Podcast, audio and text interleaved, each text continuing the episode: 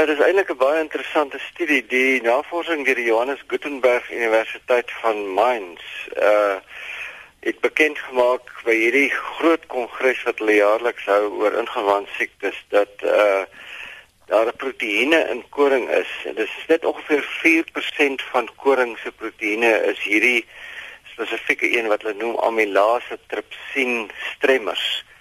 En dat dit veroorsaak uh, verskillende siektes uh buitekant die ingewande, byvoorbeeld niersiektes, uh, veelvuldige sklerose, asma en reumatiek artritis en dat uh, dit kan ook lei tot 'n ontwikkeling van uh, glutensensitiwiteit. George, hoe is die navorsing uitgevoer? Hoe gesaghebend is die studie? Dis 'n baie gesaghebende studie. Die Universiteit Johannes Gutenberg Universiteit is 'n uh, leidende Europese universiteit.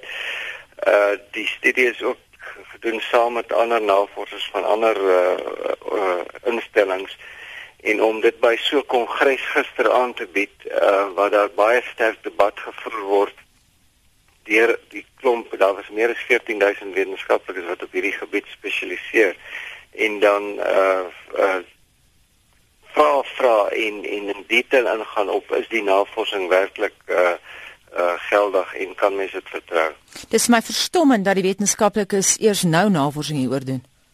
Nee, hulle doen al lank hieroor navorsing. Uh die die die verbinding wat jy gekry het met glutensensitiwiteit. Jy kry heelwat mense wat uh, baie sensitief is vir enigiets wat glutenprodukte bevat.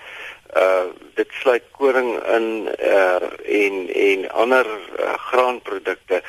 Maar uh, Anita, een van die interessante dinge wat in hierdie studie uitgekom het is is dat uh jy weet daar word gesê dat ons uh graan eers begin gebruik ongeveer 23000 jaar gelede. Uh en die berging van graan eers eers ongeveer 11000 jaar gelede. Nou as jy daaraan dink dat die mens as spesies is ongeveer 200000 jaar oud.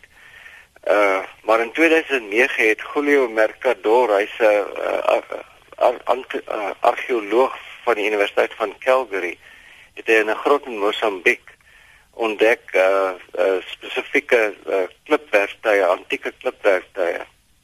En aan hierdie klipwerktuie het hulle uh die oorblyfsels van graan gevind en daardie klipwerktuie is 105000 jaar oud. So daar's nou teorieë wat sê dat dit baie veel vroeër al graan begin gebruik het. Mhm. Mm beteken dit alles dat Tim Noakes reg is? Nee, glad nie, maar dit beteken ook nie dat hy verkeerd is nie. Dit, dit beteken net dat daar die die laaste uh antwoord op hierdie uh hele debat uh nog baie verder gaan. Dit draak eintlik nie net om nou se se se beweringe nie, maar die hele konsep van die paleo dieet uh wanneer het ons uh uh eerste keer graan begin gebruik en wanneer so, het ons dit wil sê al gewoond begin raak aan die verbruik van graanprodukte. Maar wat hierdie navorsing nou doen is dat hulle spesifiek dit uh gefokus het op 'n baie klein deeltjie wat jy in in in in koring voorkom.